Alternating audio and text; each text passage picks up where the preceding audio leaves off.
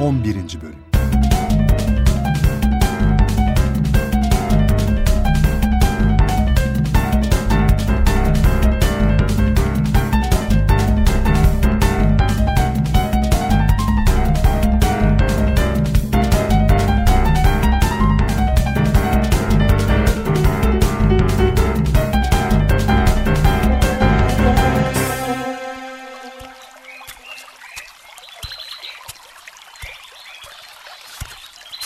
Evet, burası bir subaşı.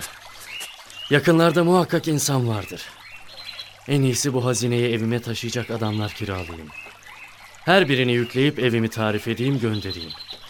En sonunda kalanı da ben alırım. Eve gelince de hepsinin ücretlerini veririm gönderirim. Az bir ücretle bütün hazineyi taşıtmış olurum. Böylece kendimi de boşuna yormam.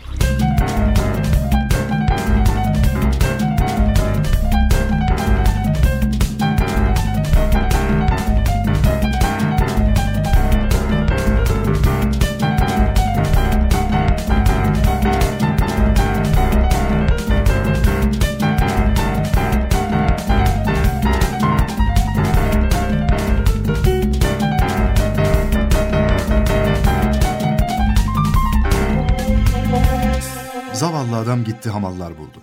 Her birine taşıyabileceği kadar altın yükledi. Evini tarif etti. Fakat altını yüklenen yükünü adamın evine değil de kendi evine götürdü. Nihayet hazinede bir şey kalmadı. Adam hamalların ardından eli boş olarak evine gitti. Allah Allah. Bu hamallar nereye gitti ki? Oysa evimi çok iyi tarif ettim. Evimde insan da var. Allah Allah. Allah Allah. Demek hamalların her biri taşıdığını kendine mal etti. Bize de yorgunluk ve üzüntüden başka bir şey kalmadı. Tüh.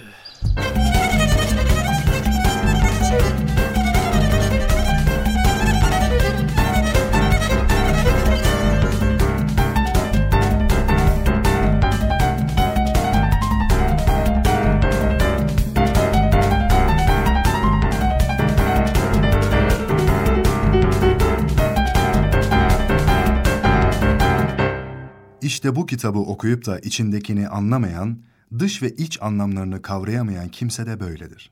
Gördüğü yazı ve nakıştan hiçbir fayda elde edemez. Eline bir ceviz alan onu kırmadıkça tadına varamaz. Adamın biri de güzel ve doğru konuşma ilmini öğrenmek ister. Bilen birine gelir.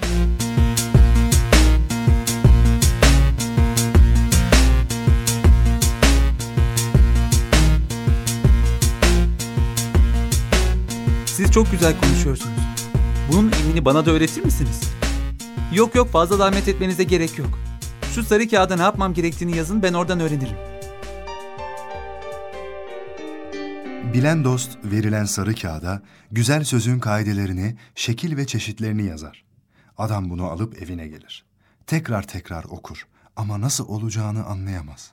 Sadece bilgileri ezberlemiş olur. Bir ilim ve edebiyat meclisinde söz ona düşer. Fakat bir türlü doğru ve güzel konuşamaz.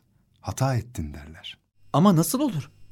Sarı sayfaları okuyup ezberlemişken ve bu bilgiler hala elimde, evimdeyken ben nasıl hata edebilirim? İlim ve edebiyat meclisindekiler adamın özrünü kabahatinden büyük bulurlar. Akıllı kimse bu kelile ve dimne kitabını okuyup da anlayınca öğrendiğini uygulayarak gerçek istifadeyi temin eder. Yoksa şu adama benzer.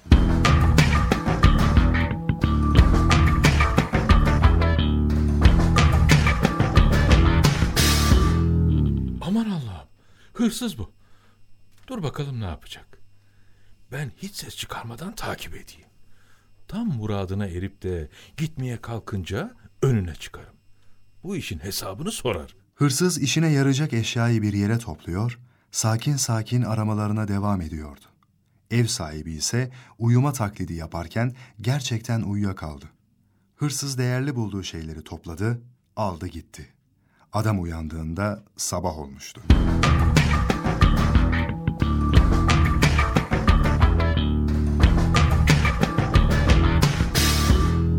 Eyvah! Uyumuşum ya. Fakat fakat hırsız yok. Aman Allah'ım. Bu adam değerli neyin varsa alıp götürmüş. Şimdi ben ne yapacağım? Oysa hırsızı gördüm, bildiydim ben. Bu bilgim neden bana fayda vermedi?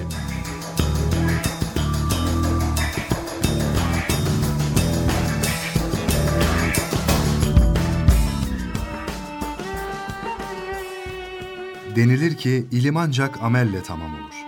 İlim ağaç, onu uygulamak ise meyve gibidir. Bildiğini kullanmayana alim denmez. Bir kimse tehlikeli bir yolu bilse ve bildiği halde o yolda gitse ona cahil denir. Çünkü o nefsine kurban olmuştur. Bir kimse yiyecek ve içeceğin iyisini kötüsünü, ağrını hafifini bilse, sonra da oburluk etse, her şeyden ölçüsüz yese içse, bu bilgisi bir işe yaramış olur mu? Olmaz.'' İlim tahsil edenin önce kendine öğütle işe başlaması gerekir. Kendinde bulunan bir kusur ile başkasını ayıplamak alim olana yakışmaz. Her işte bir hedef, bir sınıf belirlenmeli. O hedefe göre çalışmalı. Hedefe ulaşan, sınıra gelen durmayı da bilmelidir. Hedefsiz yürüyen insanın bineği er geç yorulur, tükenir. Hedef de imkansız olmamalıdır. İki şey herkes için güzeldir.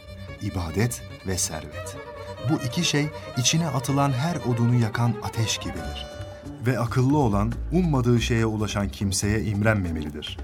Yani şöyle.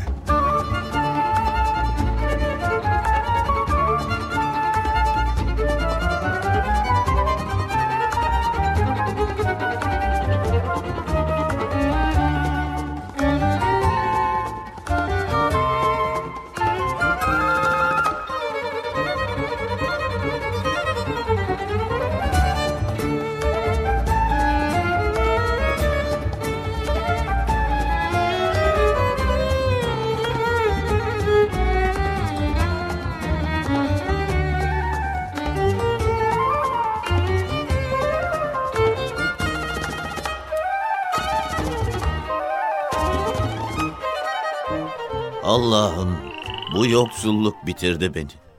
Kış geliyor ve ne yazık ki kendimi soğuktan koruyabileceğim bir gömleğim bile yok.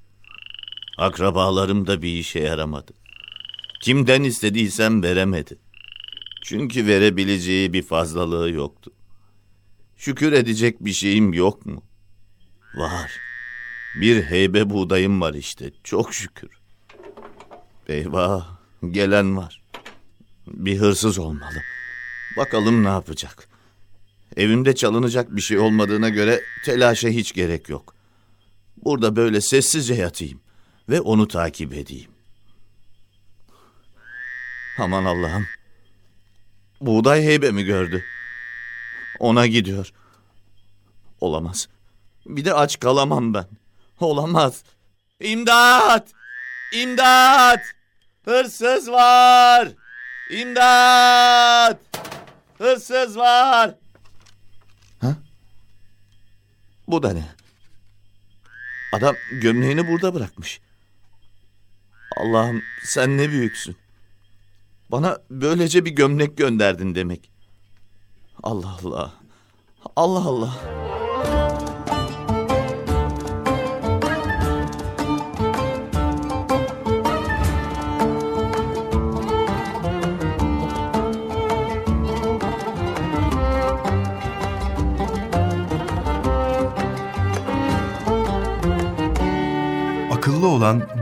Bu örneklere dayanıp da gayreti bırakmamalıdır. Kaderin kendisine yardım ettiği kimseyi taklit etmek doğru değildir. Çünkü halk içinde böyle olanlar azdır. Halkın çoğunluğu ise emeline ulaşabilmek için çalışır, yorulur. Çeşitli musibetlerle boğuşur. İnsan gözünü kazancı temiz, faydası yerinde olana dikmeli. Boşa yorgunluk getiren şeylere el uzatıp da güvercine benzememelidir. Güvercin yavru çıkarır, büyütür. İnsanlar onu alır keserler. Fakat bu durum güvercini aynı yere yuva yapmaktan alıkoymaz. Her yıl yeni yavrular hep kesilir ve sonunda kendisi de kesilir.